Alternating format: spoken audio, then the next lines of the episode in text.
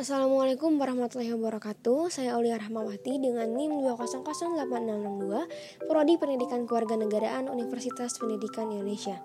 Saya akan menambahkan materi yang telah disampaikan oleh kelompok 5 mengenai masalah-masalah kontemporer warga negara multidimensional. Nah sebelumnya, apa sih definisi dari kontemporer? Kontemporer adalah sesuatu yang menggambarkan hal-hal terjadi pada masa sekarang Nah masalah-masalah kontemporer warga negara multidimensional adalah kemiskinan.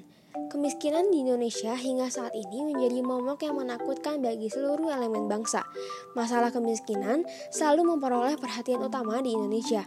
Hal ini dikarenakan adanya kesadaran bahwa kegagalan mengatasi kemiskinan akan menimbulkan permasalahan sosial, ekonomi, dan politik, bahkan hingga menjatuhkan suatu rezim pemerintahan, seperti yang terjadi pada Orde Baru 1998. Upaya memberantas kemiskinan salah satunya ialah melalui berbagai program dan kebijakan.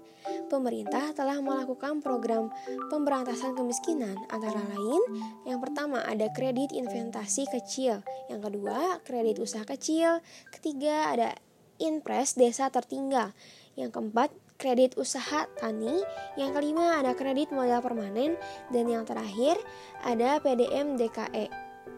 Sekian yang bisa saya sampaikan. Terima kasih telah mendengar. Wassalamualaikum warahmatullahi wabarakatuh.